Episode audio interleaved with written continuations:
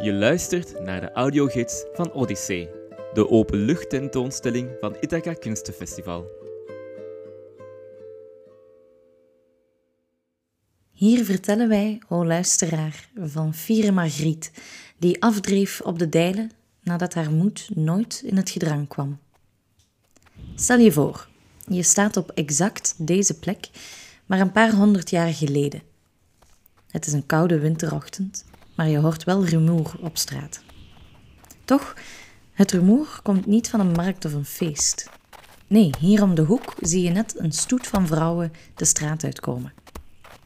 Het zijn begijnen, religieuze vrouwen die samen leven en werken. Ze stappen langzaam en ingetogen voorbij. Ondanks hun kleine postuur dragen er enkele van hen een grote, zware kist, gehuld in een rood-wit-rode doek. Beste luisteraar, jij gaat hier een tocht maken die de route van deze stoet volgt. De route brengt je langs etalages, waar artiesten die deelnemen aan het Ethica Kunstenfestival hun kunst tentoonstellen.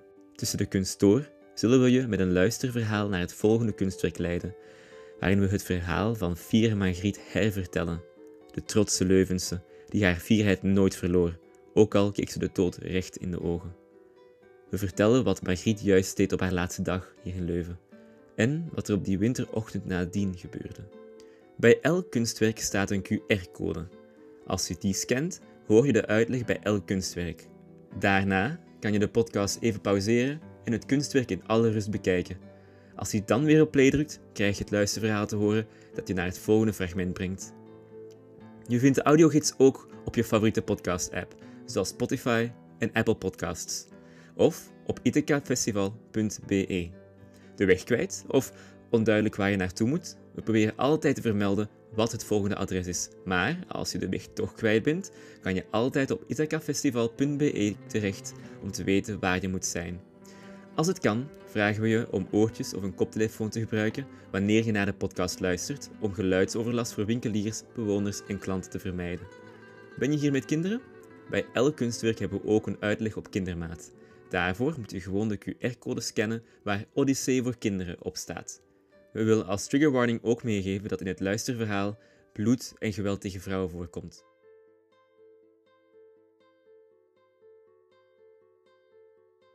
Nu volgt de uitleg van het eerste kunstwerk. Het staat gewoon hier in het Anatomisch Theater. Het is gemaakt door Anjuta Wjazemski-Snauwaard en het heet I Think It's Beautiful When People Dare to Question Their Own Premises and Empty Their Hearts for the New.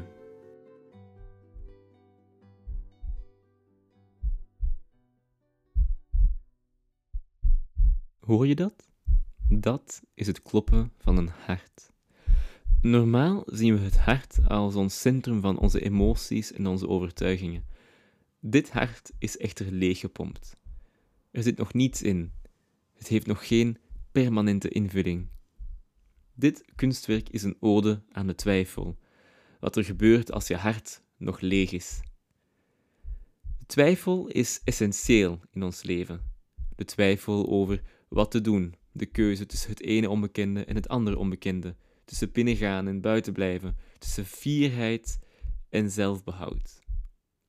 Dit gebouw is zelf ook gebouwd op een soort twijfel. Dit oude universitaire anatomische theater is een tempel van de twijfel. De twijfel aan kennis en vaste waarheden zijn de brandstof waarop de universiteit zich verder blijft ontwikkelen.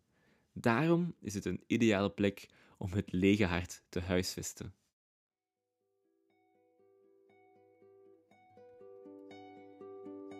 Druk nu even op pauze om het werk van Anjuta in alle rust en stilte te bekijken.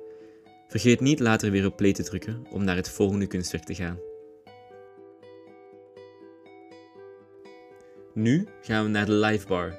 Dat is op Parijsstraat 48. Daar vind je het werk van Joko de Pever. En ondertussen gaan we verder met het verhaal van Fiere Margriet.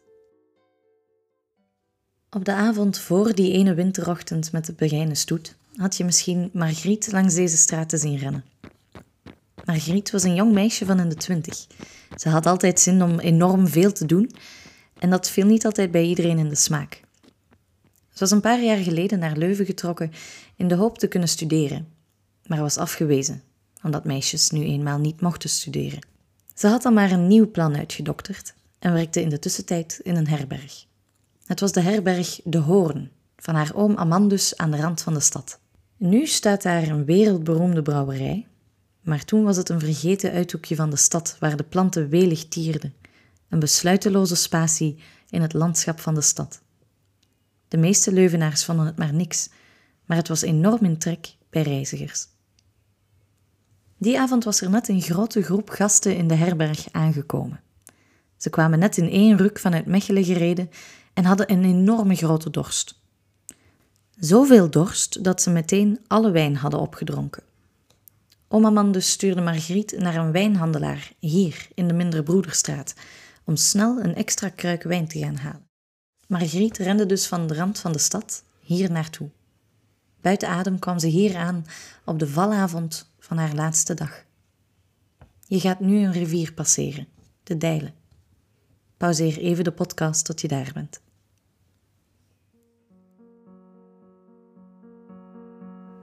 Kijk even naar de rivier. Die nacht, een paar uur nadat Margriet hier wijn kwam halen, dreef ze hier, wonderlijk genoeg, stroomopwaarts. Er was geen leven meer in haar lichaam. Toch leek het maar alsof ze sliep. Ze had geen enkel schammetje. Vredevol en sereen dreef ze doorheen de stad. Ze liet een scharlaken rotspoor achter zich in het water. De Leuvenaars, die die winterochtend met de slaap in hun ogen de ijsbloemen van hun ramen hadden geveegd, konden zien dat de oevers van de dijlen een diepe, bloedrode kleur hadden gekregen.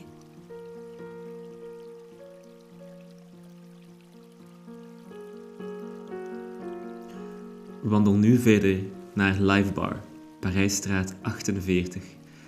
En daar gaan we je graag meer vertellen over het werk van Joko de Pever.